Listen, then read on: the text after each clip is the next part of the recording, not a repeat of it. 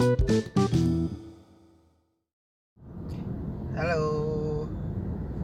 ketemu lagi sama Adri di podcast celotehan gue. Udah lama banget nggak upload konten karena ya beginilah cerita orang di bagian keuangan. Asik. Oh iya kali ini eh, gue nggak sendiri bersama dengan istri gue. Halo. Selamat pagi. Lagi macet-macetan. pagi. Eh, Nah, kenapa gue ajak istri gue nih buat bikin podcast? Gini, kan sekarang gampang ya untuk upload konten. Gue pakai anchor dari awal. Nah, dari. Di situ juga kelihatan analitiknya. Pas gue lihat, ternyata gue sih nggak sampai ribuan sih yang dengerin. Ya paling banter 65 itu juga buat gue udah banyak. Salah satunya ada ngomongin soal kesehatan mental sama seorang psikolog. Dan itu sama istri gua yang dengerin 65 Ada Nah, dua ini ya, dua podcast ya. iya ada dua podcast. Satu 65 satu lumayan banyak deh dengerin. Jadi ya adalah biar trafficnya naik gua ajak istri gua lagi. Coba lagi. coba lagi iya nih lagi jalan menuju apa namanya eh nganterin istri Ada, ada meeting. di suatu perusahaan startup ya sayangnya meeting. Mm-mm. dan istri gue ini tergabung di situ sebagai Tim psikolog. tim psikolog udah lah udah pasti tahu lah itu apalah Belum tentu. belum tentu sih ternyata banyak juga yang nggak tahu aplikasi itu ya sayangnya Iya, benar. Oke. Aplikasi kayak gitu kan sekarang udah banyak ya sayang ya. Nggak cuma yang kamu tergabung gitu kan. Ada Iya, banyak, ada hal banyak. ya. ha. Pokoknya aplikasi yang aku tergabung warna merah aja. Ya itulah pokoknya. Terus depannya H gitu. Lah. kan. Belakangnya C. Belakangnya C. Jadi kalau dok gitu kan. Nah, udah. Nah, menurut kamu sebagai seorang psikolog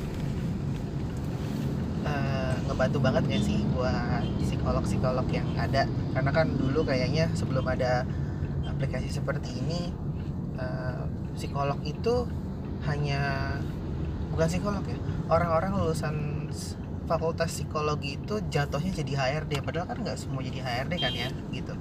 Gimana menurut kamu dengan adanya aplikasi ini? kalau untuk lulusan S1 memang akan jadi emang nggak akan bisa Hmm. ke mana-mana sih memang Oh maksudnya gitu, oke. eh, bukan yang nggak bisa ke mana-mana ya dalam arti memang lebih terbatas kayak Hmm. misalnya ya di HRD peluangnya banyak sih memang tapi eh, nggak akan bisa ke praktisi psikolog gitu Oke, karena kan ke psikolog itu untuk jadi psikolog harus eh, mengambil magister profesi. Ah, ah.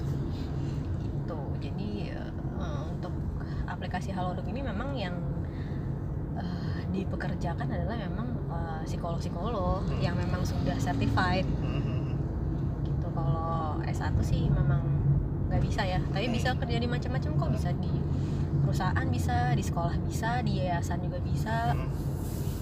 eh, tergantung passionnya juga sih Mhm. bebas gini iya sih ternyata begitu ya untuk Mm-mm. S1 ya cuma yang aku pengen tanya sih gini eh profesi seorang psikolog itu kan kita bicara psikolog ya berarti udah udah melewati semua proses pendidikan lah sampai S2 nya juga.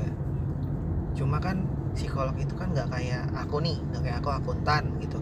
Atau aku juga ada brevet pajak segala macam yang istilahnya nyebar banyak deh gitu. Orang tuh butuh di mana-mana.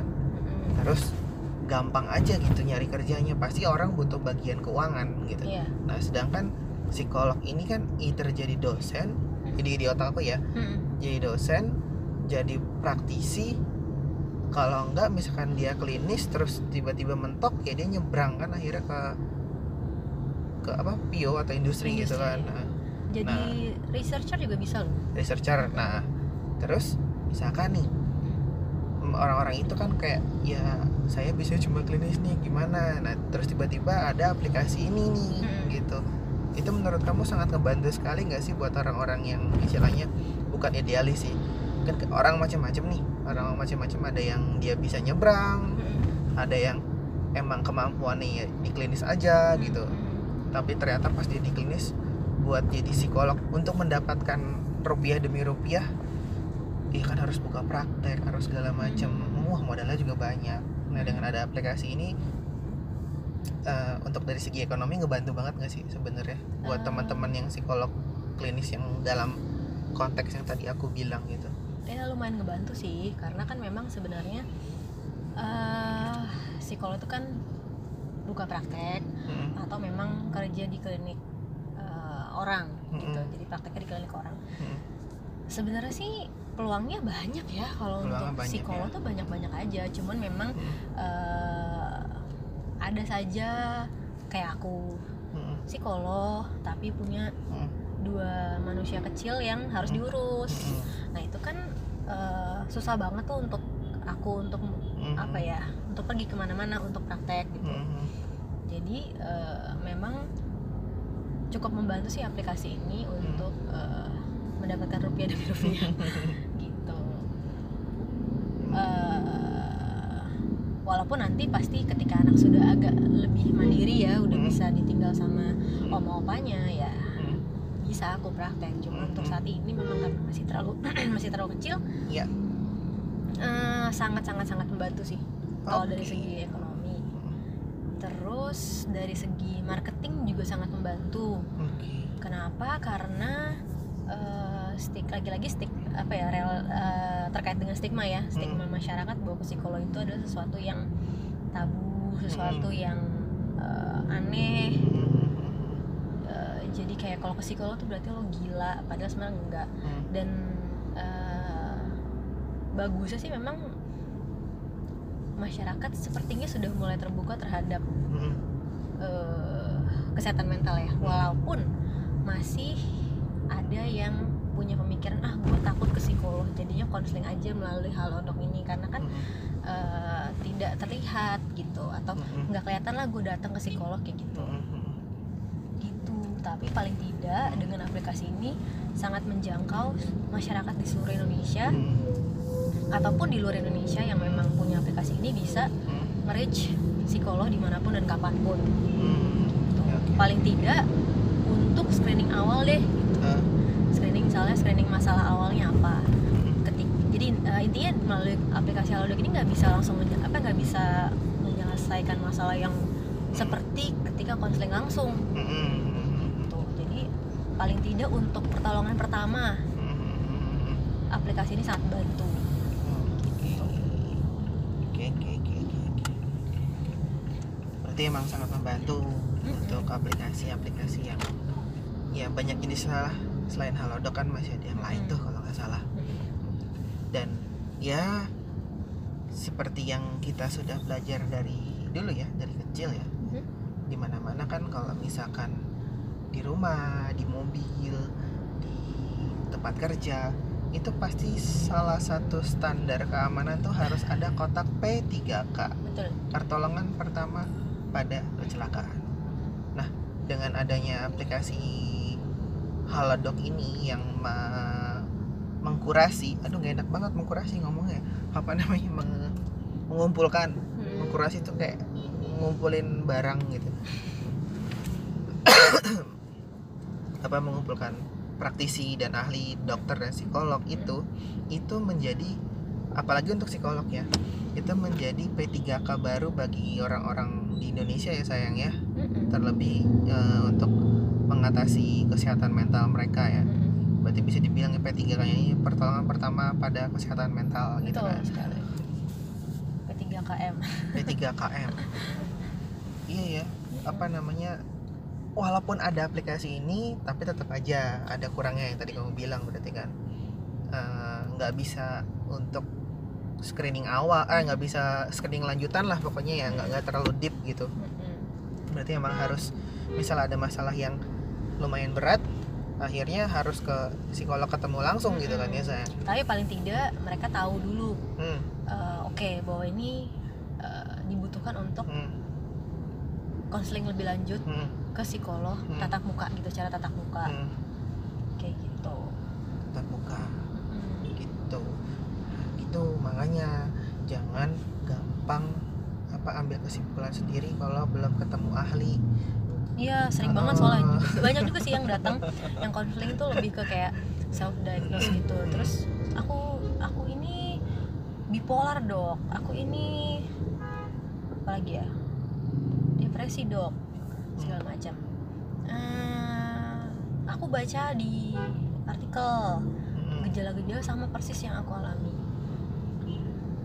Betul. Mungkin ketika kamu baca terus di relate ke artikel-artikel artikel yang dibaca bisa jadi Mm-mm. mirip tapi pertama harus dipastikan artikel itu valid betul yang kedua diagnosa untuk gangguan mental itu hanya boleh diberikan oleh psikolog dan psikiater Hmm. jadi selain itu gak berlaku tuh defini apa eh, diagnosa Hmm. gangguan kecemasan lah atau diagnosa Hmm. Anoreksia lah kayak gitu Hmm. nggak bisa. Harus yang memberikan Hmm. psikolog dan psikiater. Hmm. gitu. Gitu. Mm-mm. tuh dengar kata ibu psikolog. Jangan gampang menyimpulkan kalau hah saya berkepribadian ganda. Waduh. Jangan seperti itu. Terus pas kalian ngomong berkepribadian ganda itu ngomongnya di akhir bulan. Eh di uh, tengah-tengah bulan gitu bukan maksudnya? berkepribadian ganda namanya. Berarti pengeluaran kamu ber- lebih gan- berganda daripada penghasilan kamu gitu. Hmm. di tengah di awal wah saya merasa seperti orang kaya tiba-tiba tengah-tengah bulan saya orang miskin. Pusing. berarti saya punya kepribadian ganda bukan. Nggak bercanda.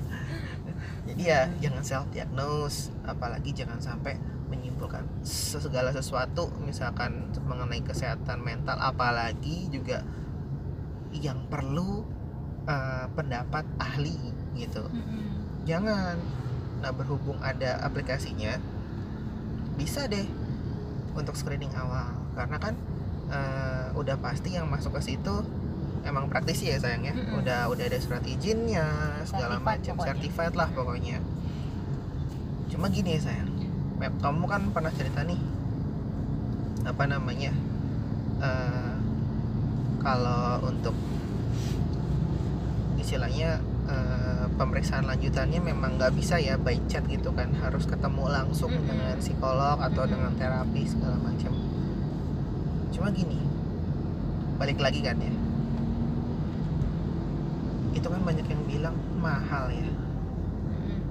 Kalau dari sisi kamu gimana ya melihat seperti itu karena memang kan ya kita nggak bisa mungkirin juga ya kalau emang eh, ya ke dokter ahli aja mahal gitu Mm-mm.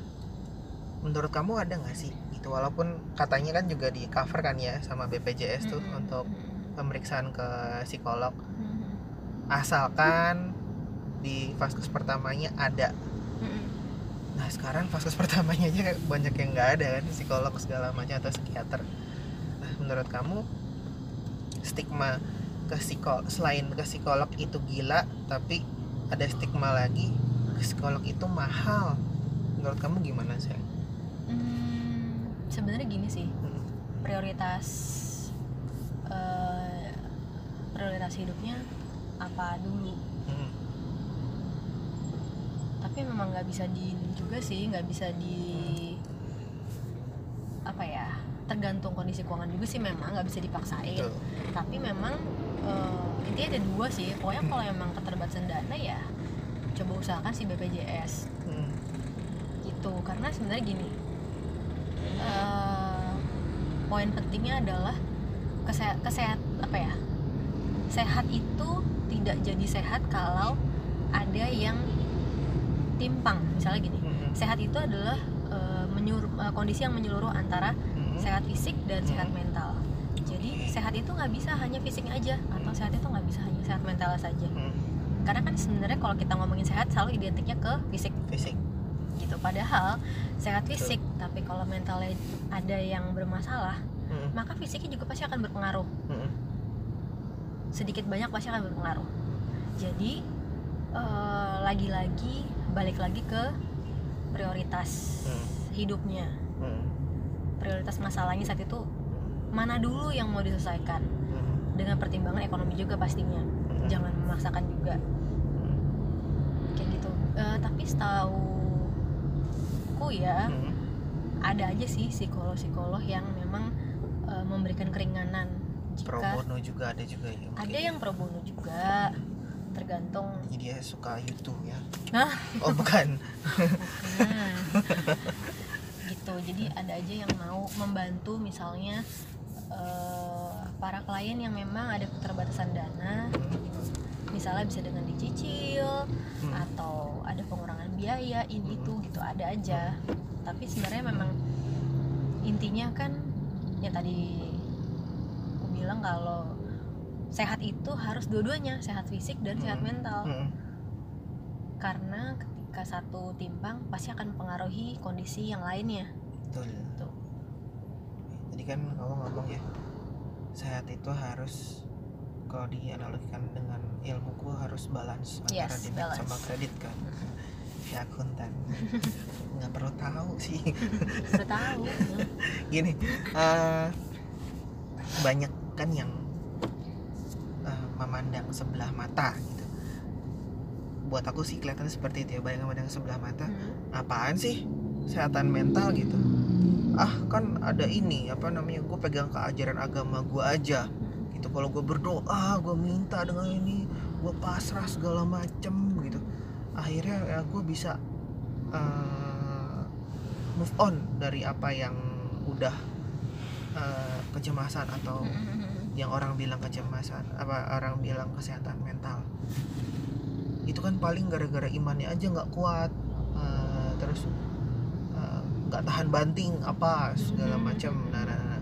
kalau ha- menurut kamu hal-hal seperti itu kan yang menyebabkan eh, orang tuh akhirnya nggak aware ya terhadap kesehatan mental.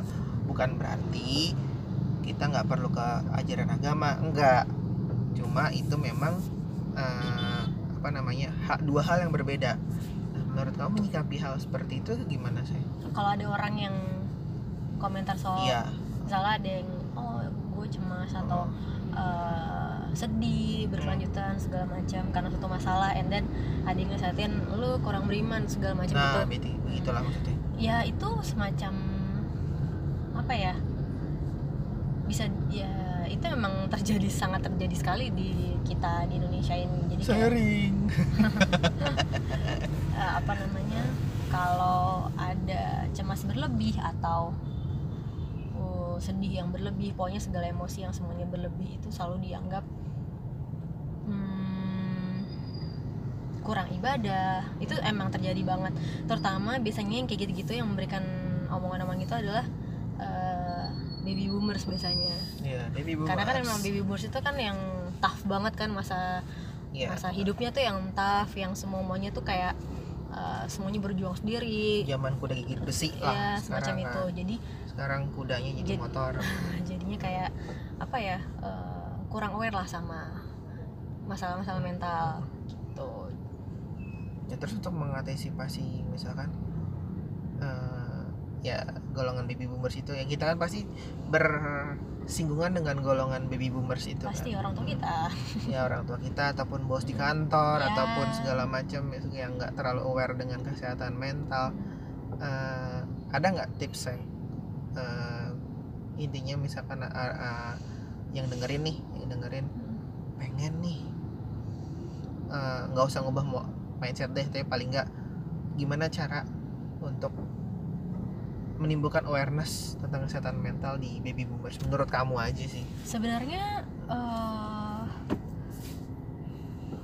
apa ya kalau gini kita beda generasi ya. Mm, beda generasi beda cara pandang beda mm, beda menyikapi masalah juga. Mm. jadi ya biarkanlah itu apa adanya. Kayak Oke. kalau kita berekspektasi bahwa orang tua gua tuh harus ngertiin gua bla bla bla bla. Mm, kita sendiri yang akan frustrasi. Kita sendiri yang akan jadinya capek sendiri. Mm, berharap dimengerti tapi tidak pernah terjadi gitu. Jadi poinnya adalah belajar untuk menerima bahwa ya kita memang berbeda. Mm, jadi ketika seandainya kamu ada masalah mm, ya pergilah ke psikolog.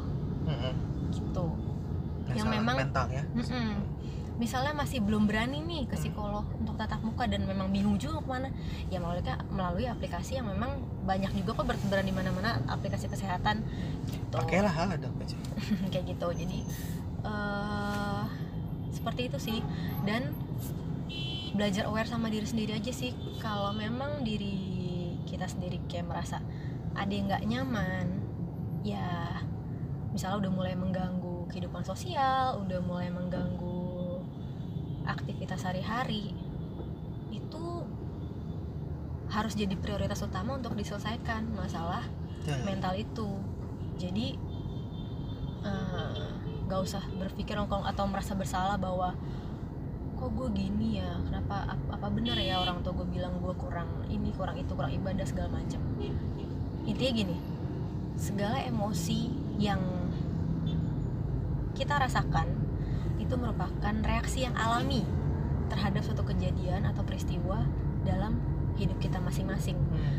karena itu adalah reaksi eh, yang alami itu artinya juga setiap orang punya reaksi yang berbeda-beda. Jadi sangat subjektif sekali. Hmm. jadi nggak bisa dibilang tuh dia kalau putus dari pacarnya kok biasa aja ya tapi kenapa gue tuh kayak drop gini ya? Kayak gue lemes banget gue males makan dan sebagainya. Ya beda-beda nggak bisa disamain. Hmm.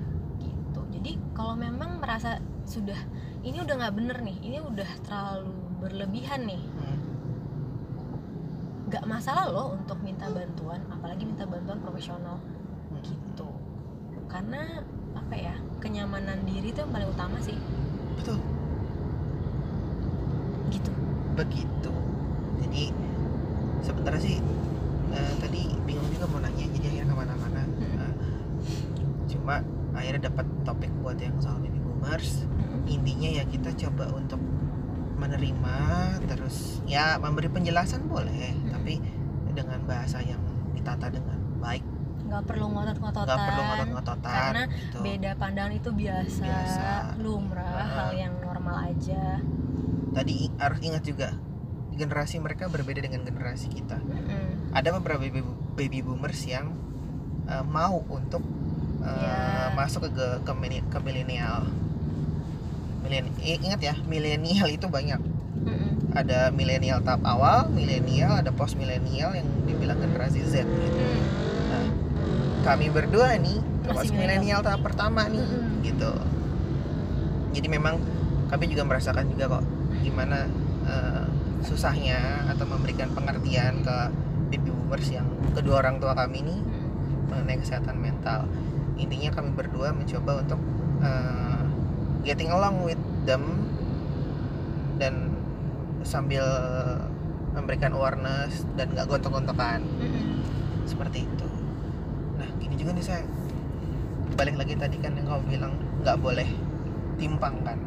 Nah emang ini ya emang bisa ya eh, kesehatan mental kita terganggu? Mm. itu Fisik bisa kan bikin fisik kita terganggu. Bisa banget. Jadi gini kita kasih kasih ini deh Contoh. kasih contoh deh apa sih gitu loh. Kak, gini misalnya gini. Jadi intinya gini eh, setiap manusia itu punya kapasitas masing-masing. Hmm, kapasitas dalam hal menampung masalah. Hmm, kalau istilah psikologisnya daya lenting. Daya kalau nggak salah di fisika juga ada ya? Ada daya ya Hmm. jadi setiap manusia itu, itu dalam yang menghadapi ih, jarinya lenting ya. Itu lentik. Oh ya salah. Emosi ya jadi setiap manusia itu punya eh, toleransi. Ah itu dia kata Gitu, yang tepat toleransi. toleransi. Toleransi terhadap menghadap eh, dalam menghadapi suatu masalah. Oke. Itu beda-beda. Hmm, ada yang mudah stres ada yang cuek. Mm-mm. eh, itu beda-beda. Dan Mm. eh, tadi kan pertanyaannya adalah bagaimana bisa mempengaruhi ke fisik. Mm. jadi ketika si toleransinya itu sudah wah Oh, ade, ade, udah bangun, udah bangun. Di sini ada namanya eh, anak Ara. ganteng, namanya Ara. Waduh. ya udah, lanjut Bah. Mama lanjut dulu jelasin sebentar ya, Raya. ya jadi eh, intinya iya Eh, nanti jadi Yaudah. lanjutin lagi deh kita apa? Eh, eh, kita jadiin part kita 2 aja nanti Part 2 aja nanti ya. Oke. bye Bye.